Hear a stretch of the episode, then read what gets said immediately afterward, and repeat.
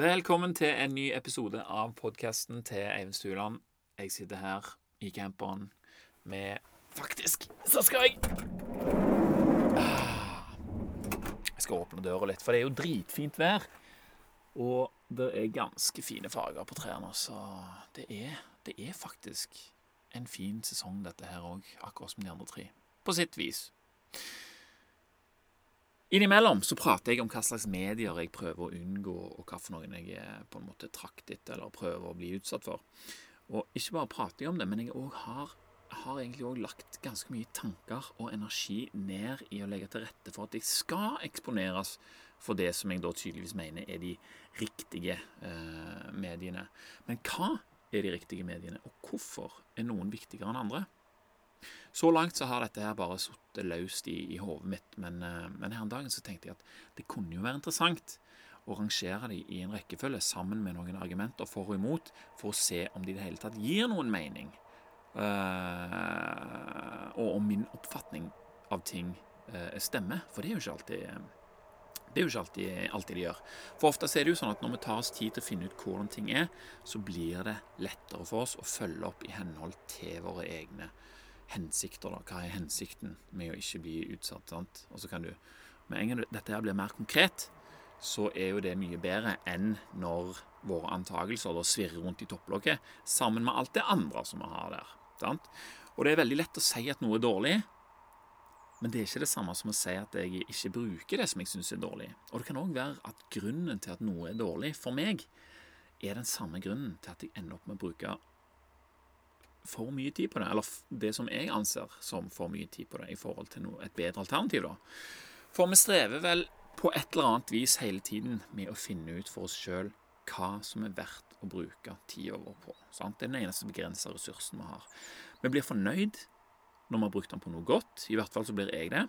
Og hvis jeg ønsker å bruke mer tid på ting som jeg bryr meg om, og mindre tid på ting som jeg ikke bryr meg om, så er det en god ting å investere et par timer, som òg er tid, sant, i å faktisk sitte ned og se hva for noen tanker som kommer, for så å oppdage at andre tanker oppstår og hekter seg på. Samuel. Uh, og det blir med ett tydeligere hva som skjer, på en måte. De investerte timene de hentes veldig fort inn igjen om vi kommer fram til noe fornuftig. Sant? Og når vi bare har tid til å ha enkelte tanker hver for seg, og ikke gir dem muligheten til å slå seg til ro lenge nok til å finne seg venner, så går vi kanskje glipp av det store bildet, som er så mye lettere å forstå enn når vi bare ser bitene hver for seg. Er du med på den? Eh, jeg merker jo nå at jeg ser ikke på meg sjøl som en person som faktisk setter seg ned og investerer tid i å finne ut sånne ting. Men når jeg tenker meg om, så er jeg i det minste blitt det i løpet av de siste kanskje fem årene. Det er løye, det der. Nå er jeg 35. sant? I 30 år så var jeg ikke det. Fremdeles har jeg en følelse om at jeg ikke er det, men jeg har forandret meg på de siste åra. Og nå, nå kommer jo den som en liten bonus på toppen av det, da, at eh, jeg er en type som faktisk setter seg ned og prøver å finne ut av ting. Og det, det har jeg, eh, nyter jeg godt av. Men hva skal jeg ha igjen for å sette meg ned på den måten? Sant? Det er det som er så rart. Jeg vet ikke. Jeg vet litt. Sant? Jeg tror jeg vet litt. Jeg tror at jeg kommer til å ha et klarere bilde av noen ting jeg ønsker å bruke mer tid på. Men hva resultatet blir, det aner jeg ikke. Alt jeg vet, er at livet mitt har aldri vært så morsomt som idet jeg begynte å investere tid og energi i ting og tang som jeg ikke ante hva jeg skulle få ut av. Morgensidene er en av de første og desidert den største endringen som jeg har gjort i livet mitt, som var i den retningen. sant? Sette meg ned om morgenen og skrive tre sider, liksom. Om hva da? Nei, jeg vet ikke. Men på slutten, åh, hver eneste gang, er jeg så glad for at jeg gjorde det. Sånn vel? Å gjøre noe som en ikke vet hva en skal få ut av, kobler jeg ofte sammen med en herlig setning som har gjort meg òg veldig mye godt. Hemmeligheten til et lykkelig liv er lave forventninger. Jeg liker den så godt, altså. Og den passer selvsagt ikke overalt. Det er ikke alltid det passer seg å ha lave forventninger, sant? men overraskende ofte så passer det å bruke denne her. Uh, og vi har så lett for å lage oss forventninger. Sant? Vi tror vi er så gode å se inn i framtiden og forutse hva som skal skje. Hvis jeg gjør dette, så skal jeg få det! Ha! Og så setter vi i gang, basert på og motivert av hva vi skal få for denne innsatsen her. Sant? Det er det som avgjør om vi gidder å gjøre det eller ei. Men det blir sjeldent, kanskje ikke sjeldent, men i alle fall ikke hver gang, eh, akkurat som vi ser for oss. Det hender vi blir nødt for å justere forventningene underveis. Og da er det jo som oftest at vi må justere de ned, sant? for vi oppdager ting som vi ikke hadde tenkt på. Det skjer ting som vi ikke hadde tenkt på, som forstyrrer planen som vi hadde. Sant? Vi ser jo for oss ting i ei bein linje hele veien, men som regel er det kronglete, det er opp og ned, og det er eh, uklart, sånn vel. Vi liker å ha det bein strek, klart og tydelig, laserblikk i én retning, men sånn er ikke realiteten. sant? Og når vi må justere forventningene våre ned, så er det en ganske stor motivasjonskiller, rett og slett. Med lave forventninger som utgangspunkt så blir det færre Sa jeg færre? Flere oppturer. Så alt jeg forventer av denne her investerte tiden, er at jeg kanskje vil komme til å bruke litt mer tid på det jeg finner fornuftig å bruke litt mer tid på. sant? Og hvis jeg bruker litt mer tid på noe som er fornuftig, så går det mest sannsynlig på bekostning av ting som jeg syns er ikke så fornuftig. Og det er en fin byttehandel, spør du meg. Og med så lave forventninger så er det slettes ikke umulig at det vil poppe inn en og annen overraskende forståelse underveis mens jeg skriver, som da blir ren avkastning på toppen av forventningene, eller en bonus, eller hva du skal se på det som. Samtidig så har jeg nå gjort dette her så mange ganger og opplevd at det som regel ender opp med å gi meg en pen avkastning i en eller annen retning en eller annen gang at jeg har blitt mer og mer komfortabel med å sette meg ned og bruke tid på noe som jeg ikke aner hva skal komme ut av. Jeg har begynt å stole på at det uvisse til slutt leverer noe som jeg setter pris på. Jeg er ikke lenger redd for å gjøre noe som jeg ikke vet jeg skal, hva jeg skal få ut av. Før var jeg det. Ikke redd, sant, men en følelse som gjorde det vanskelig å prioritere det uvisse framfor det visse. Veldig sånn diffus vanskelig eh, sak å få tak i hvorfor akkurat det er sånn. Så jeg eh, tenker liksom For min egen del også var det jo en veldig kjent øvelse å ligge på sofaen og se på noe på TV. Sant? Og det er jeg sikker på at du òg har gjort. Jeg har gjort det mye i mitt liv. Kroppen min kjenner igjen hva det innebærer. Veldig forutsigbart. sant? Og jeg har delt mye tid med kona mi foran TV-en gjennom årene, sant? og med vennene mine og familien min. Det er rett og slett en ganske stor del av kulturen min. Det er noe jeg har gjort nesten hver eneste dag, iallfall fram til jeg var eh, nærmere 30 år. Da, da, begynte jeg liksom å liksom, Oi, kanskje jeg skal gjøre noe annet. Men sant, det, det, er ganske mye, det. Tenk deg da kanskje én eller to eller tre eller fire eller fem timer hver dag i mange mange år. Det blir en stor del av deg. Så TV-en ser jeg på som en del av sånn default-moden min, som jeg egentlig ikke ønsker å ha der. Alltid, iallfall. Eh, og jeg vet ikke alltid hva slags forventninger jeg hadde til det jeg skulle se. Det var bare mer den vanen at vi setter oss foran TV-en, så ser vi på det som er der, og prøver å finne noe som vi liker. Sant? Men det var iallfall helt uaktuelt å gjøre noe annet eh, der jeg ikke hadde noen erfaring med å, å basere forventningene mine på. Sant? Kveldstid var som regel TV-tid. Forutsigbart, trygt, noe jeg kunne glede meg til, noe jeg syns jeg fortjente etter en lang dag. Sant? Det var liksom Yes, slapp av og se på TV, det er greit. Nå føler jeg jo at jeg vet litt mer. Jeg vet at en sikker forventning slettes ikke er noe bedre enn det uvisse. Jeg har lært at jeg liker å bli overraska, og at den følelsen som oppstår i det jeg forstår noe, er verdt å bruke tid og energi på å mane fram. Samuel, du kan bruke mye energi eh, Energi Det var et kult ord, faktisk. energi og tid på å, å, å mane dette her fram, men du vet jo ikke hva tid det dukker opp resultater. Men når det gjør det, så produserer det dopamin, og det motiverer meg til å finne ut mer. Og dette systemet her, det leverer over tid hvis jeg investerer inn i det. Så enkelt er det. Mye mer enn TV noensinne har klart å levere, til tross for alle timene jeg har brukt på det. Kanskje denne lista og det jeg tenker på mens jeg skriver den, vil gjøre noe med måten jeg ønsker å bruke tiden på. Det er forhåpningen. Eller at jeg iallfall skal forstå det bedre og, og være litt mer bevisst eh, rundt det. For sist uke det var det som starta denne tankerekka. Så hadde jeg et slags sånn oppgjør med hva jeg, som i hjernen min, vil, og hva kroppen min, eller vanene mine, vil. Altså, vi er på en måte to, to personligheter som krangler om hva, hva vi skal finne på for noe. Hjernen vil jo ofte endre på ting. sant? Det er jo hjernen som sier sånn 'Å, skal vi ikke gjøre det?' eller som begynner å trene, eller som begynner å spise sunt, eller som begynner å legge oss tidlig, eller alle de der tingene. Veldig mange gode ideer kommer hjernen med, men han møter på denne motstanden, som jeg snakket om litt i, i siste episode òg, og, og, som som eh, Grunnen til at jeg vet om motstand, er fordi jeg har lest mange av de her Steven Pressfield-bøkene der han snakker om motstand. De er helt konge, de bøkene. Veldig korte og veldig gode. Men motstand som vi har i kroppen, er på en måte de vanene som er etablert, og de jobber mot, og de saboterer det som hjernen ønsker seg. Det er iallfall sånn det kan oppleves. da. Hjernen vil gjerne gå og trene eller gjøre noe annet fornuftig, men kroppen, eller motstander, sier at 'du orker ikke det, du'. Sant? Og så kommer hjernen sånn 'jo, jeg gjør jo det'. Kroppen kan òg det spillet, og kommer med motargumenter som man vet du er svak for. Det er jo tross alt deg, sant? det er jo tross alt din kropp. Du, hvis du driter i å trene nå, så kan vi se ditt på TV-en, og så kan vi stikke innom og kjøpe datt på veien hjem. Hæ? Åh, det, det blir en helaften. Jeg lover deg, altså. Kona di òg kommer til å digge det. Ikke vær ego nå, sant. Så tar vi den treningen i morgen. Hva sier du, hæ? Motstanden hviler aldri. Og det kan heller ikke vi gjøre om vi vil få til noe annet enn det vi får til nå. Sist uke så hadde jeg altså en battle med denne her motstanden min. Jeg ville ikke se på TV. Jeg ville bryte et mønster som jeg var inne i. Et koselig og veldig nyttig mønster hadde det vært fram til da. Eh, det var det. Og det innebar kvalitets-TV, som er noe annet enn ukvalitets-TV. Feilen som jeg var i ferd med å begå, var at jeg forbandt kvaliteten med selve TV-en, og ikke programmene som jeg hadde valgt ut eh,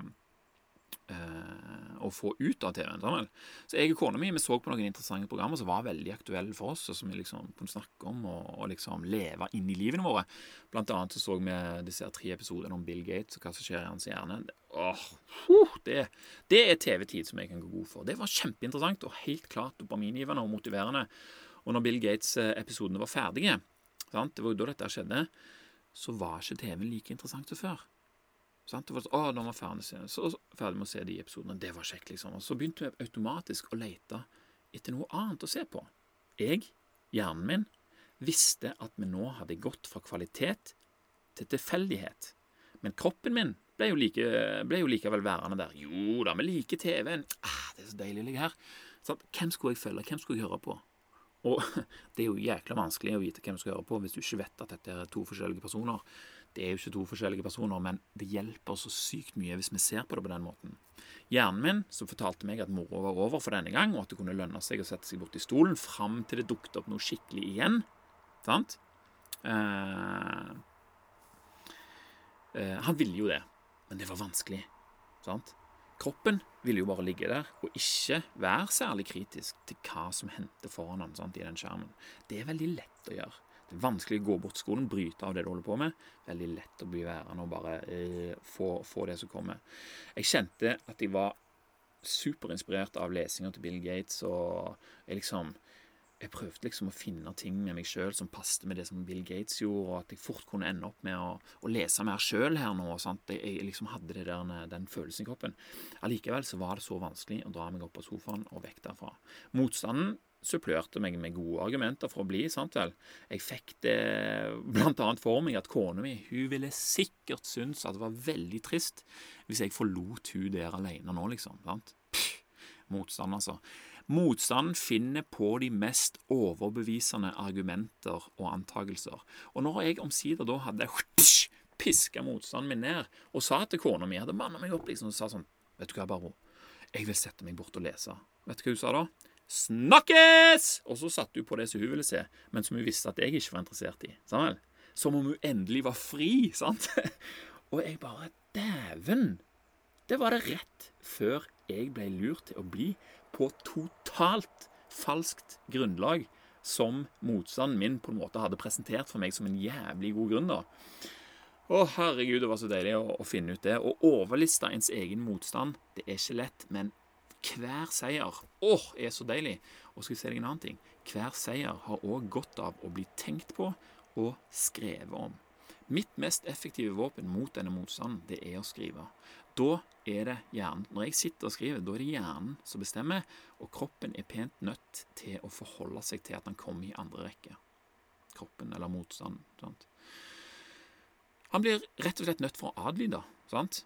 Og etter å ha klart å tvinge meg fra TV-en og bort i stolen for å finne ut at der likte jeg å være, så skrev jeg dette her i en sånn bok som jeg hadde da.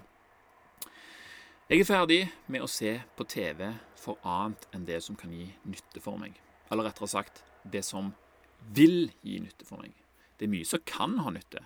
underholdningsprogram kan ha nytte. Nyheter kan ha nytte. Kardashians kan ha nytte. Men det må sorteres. Og det er deilig å slippe å sortere. Nå sitter jeg i en stol i stua. Jeg hører på musikk, jeg har masse bøker her rundt meg, og jeg har en penn og skrivebok òg. Og på en liten time så har jeg rukket å lese i og bli underholdt av ei gammel bok om kroppsspråk. Jeg har lest om fiskens anatomi og hvordan gjellene fungerer i ei annen bok. Og dette her var gullet som jeg fant på Bruktbø på lørdag. Eh, disse to bøkene her, i tillegg til et medisinsk leksikon fra 1970, der jeg har lest om eldgamle teknikker for å hele beinbrudd, sånn som de gjorde i antikken og Egypt og sånn. Og når jeg så på TV i stad, så så jeg at Bill Gates leste i 'Enlightenment Now' av Steven Pinker. Og den boka har jeg òg tilfeldigvis liggende på bordet foran meg akkurat når jeg så det. Og da fikk jeg en liten sånn kobling. Meg og Bill Gates. En helt random kobling, selvfølgelig. Jeg vet at det ikke betyr noe, men jeg kan få det til å bety noe. Og det fikk meg til å smile allikevel. sant? Så leste jeg litt i den òg. Jeg koser meg i hæl.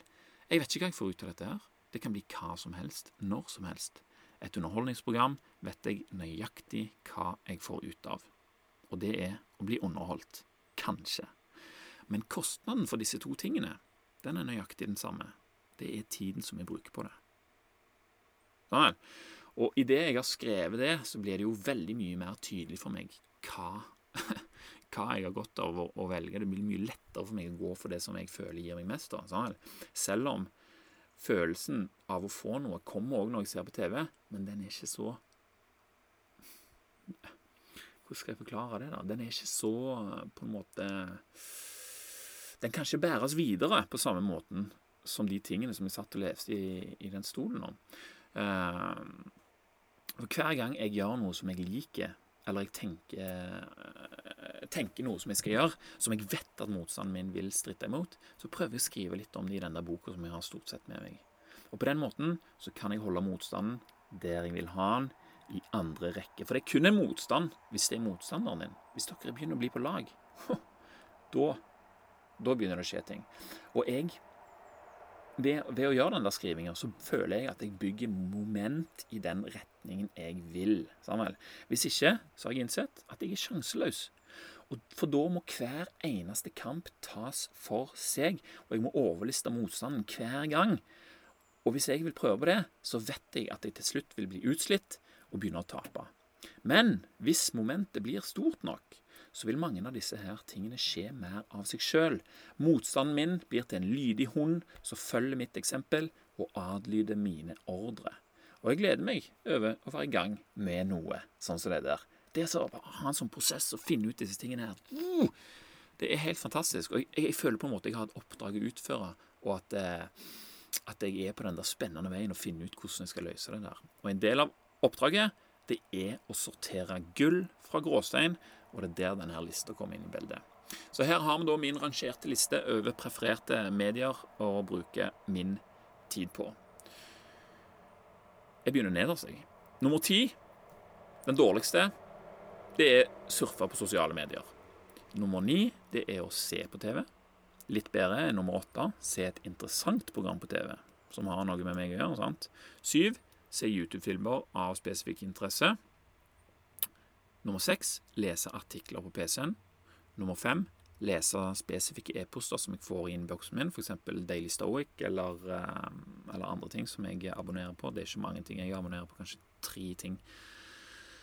Eh, nummer fire lese i et fysisk blad av interesse. Nummer tre lytte til podcaster. Nummer to lytte til bøker. Og nummer én lese bøker.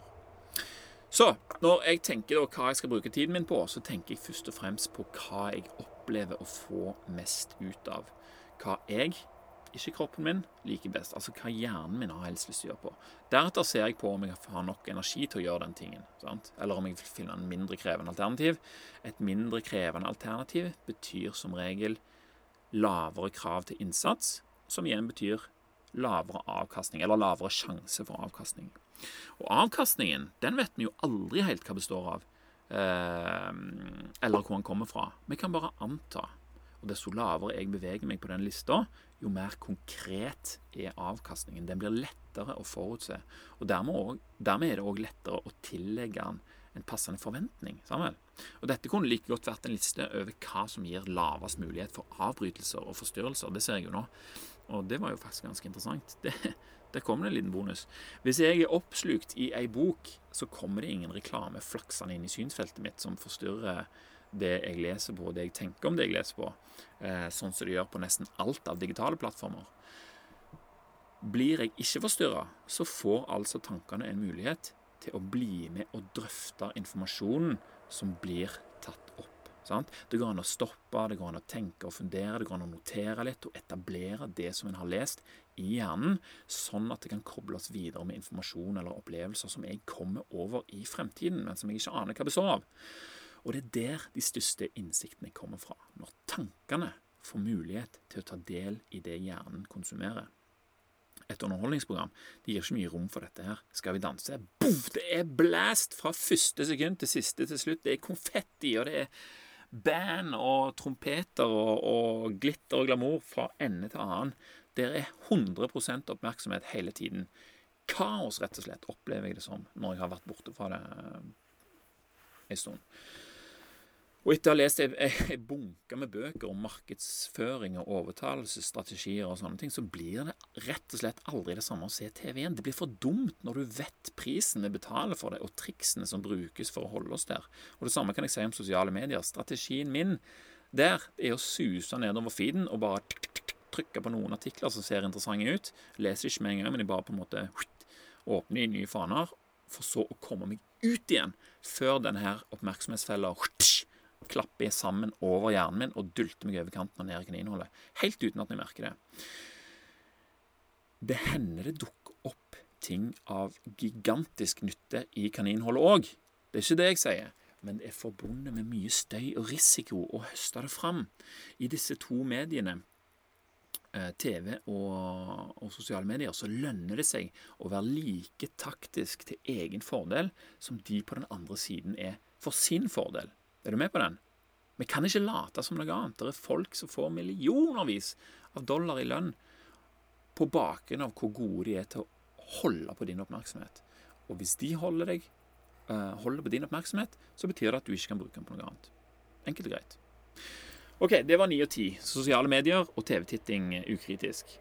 Eh, åtte er et interessant TV-program. Det, det, er mer spesifikt. sant? Jeg vet om et program som jeg vil se, f.eks. sånn som den Bill Gates-singen. Den vil jeg se.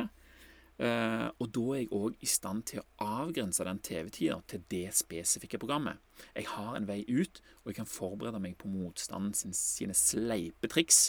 Uh, som han kommer med når, når, det programmet er ferdig. sant? 'Å, bli værende', eller liksom 'Se en episode eller noe annet'. Da kan jeg liksom forberede meg på det at OK, jeg ser det her, og så har jeg en plan for hva som skal skje etterpå. Og så kommer hun, så, så kommer motstander og prøver sånn ja, 'Skal ikke, skal ikke' Så er det sånn 'Nei, sitt! Vi skal bort her nå'.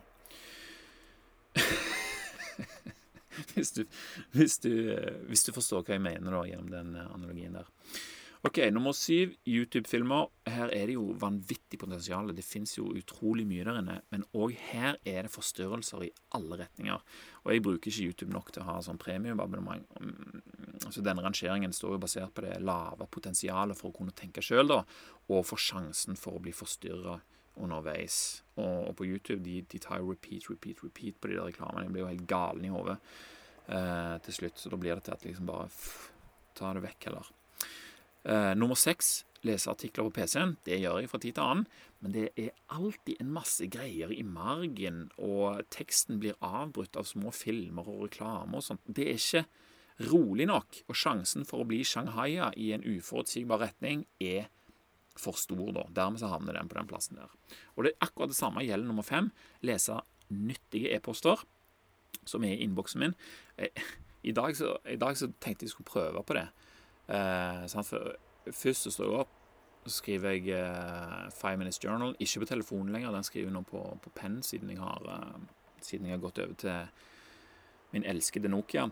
Så han skriver det først, og så skriver jeg Morning Pages. Og så etterpå tenker jeg sånn Åh, skal jeg lese sånn Daily Stoic? E-post, for det pleide jeg å gjøre før når jeg hadde iPhone med det samme jeg skrev Five Minutes Journal. Men da måtte jeg inn på Gmail på PC-en, liksom. Så prøvde jeg å liksom holde hånda mi foran andre mailer som jeg, jeg, gjerne hadde fått i løpet av natta, sånn at de bare skulle komme inn på den. Eh, for at jeg ikke skulle bli eh, distrahert da, eller se noe som jeg ikke ville at skulle forstyrre med det som jeg forventa jeg skulle få av å lese den, eh, den e-posten. Så den er bra, men den innebærer sjanse for eh, Eller fare for å ende opp med å gjøre noe helt annet.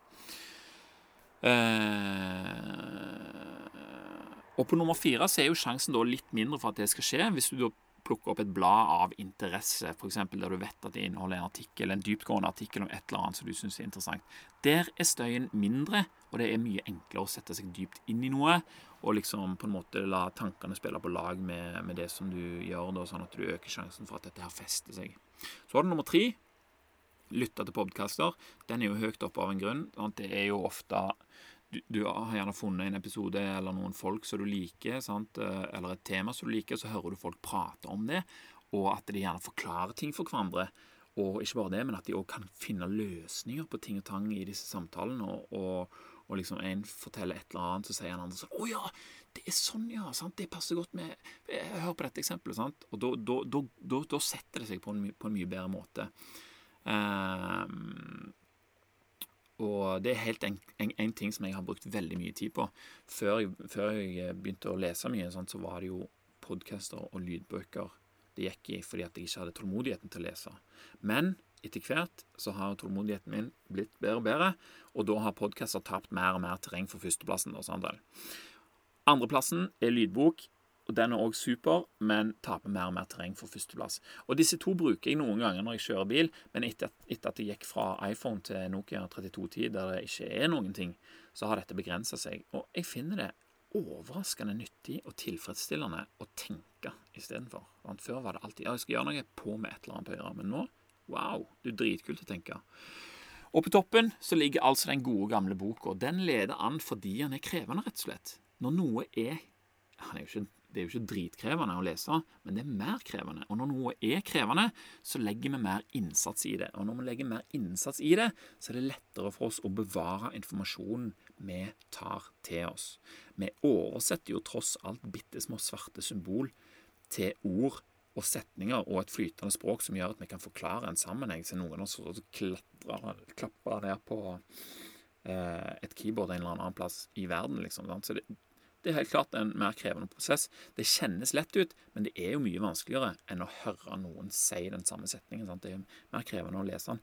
Pluss at en setning er mer krevende eh, Ja, det var det jeg sa. Den er mer krevende å lese enn å høre. Samtidig så tar det nok tid å lese den til at mine egne tanker kobler seg på, og som da kanskje fører til at jeg får ta, kanskje får lyst til å ta en pause og tenke litt mer på det. Kanskje jeg til og med får lyst til å ta et notat når jeg oppdager at jeg kan koble denne saken sammen med enten eksisterende informasjon som jeg allerede har, eller jeg ser potensial i den informasjonen som fremtidig eh, informasjon som jeg ikke aner hvor skal komme fra, da. Men at eh, den kan, Kanskje jeg oppdager noe en eller annen gang som kan feste seg til dette. her? Du ser potensial i noe. Og jeg tenker at desto mer umiddelbar og konkret avkastningen fra noe er, jo lettere er det for oss å gå etter den. Sammen. Desto større usikkerheten er, jo vanskeligere er det for oss å gå etter det. Se for deg at du skal se en episode med noe som du allerede følger med på. Forventningen er basert på det du nylig har opplevd at denne aktiviteten gir deg. sant? En episode av noe du så i går, kan gi noenlunde den samme følelsen om du repeterer det i dag. Den er du med på. sant? Forutsigbart, og vi vet at vi liker det. Men om jeg setter meg ned for å skrive noe om hvordan jeg rangerer medier for meg sjøl, så har ikke jeg peiling på hva dette vil gi meg, eller om de i det hele tatt vil gi meg noe som helst. Jeg kan bare tenke at det er større sjanse for å oppnå langvarig glede av denne aktiviteten enn ved å se på en episode eh, av noe på TV som stort sett bare har muligheten til å gi meg umiddelbar glede, med mindre det er noe sånn som Bill Gates-greiene, da, eller noe sånn, wow, noe sånn ekstra uordinært eh, bra program. Sånn sett så har jo jeg òg en forventning til å sette meg ned og skrive, men jeg aner ikke omfanget av avkastningen. Jeg har null peiling. Og det er et leap of faith. Jeg elsker å se på det som det. altså Jeg har fremdeles ikke funnet noe bra norsk eh, oversettelse til det. Eh, håpets sprang. er liksom det beste jeg har kommet til. Men, men i alle fall så er det sånn det er å tenke i system, da. Og hvis du lurer på hva som er forskjellen mellom å tenke system og målsetning, så må du Du må ikke, men kanskje du vil ta en kikk på han Scott Adams, han der Dilbert-fyren. Han er ekspert på å forklare dette her, og les gjerne denne boka, 'How to fail at almost everything and still win big'. Leste den om igjen nå for litt siden, og bare åh, jeg får så lyst å gjøre gode ting for meg sjøl når, uh, når jeg leser den boka der. OK. Jeg forsøker å ha en oppfatning av at mitt system øker sjansen for at flaks skal finne meg over tid. Flaks kan alltid finne meg over tid, men jeg mener altså at sjansen øker hvis jeg bruker mer tid i disse her første kategoriene på lista. Å lese eller høre om noe som allerede har pirra interessen min, setter hjernen min i lære- og koblemodus. Han vil liksom, vil liksom suge det til seg. Og da vil jeg gjerne ha så lite forstyrrelser som mulig. Da kan jeg ta inn det jeg holder på med, notere underveis, og la disse her interessante tingene feste seg, da, uh, som vi kan kalle det. Og disse tingene som da fester seg, er jo en del av denne uvisse avkastningen.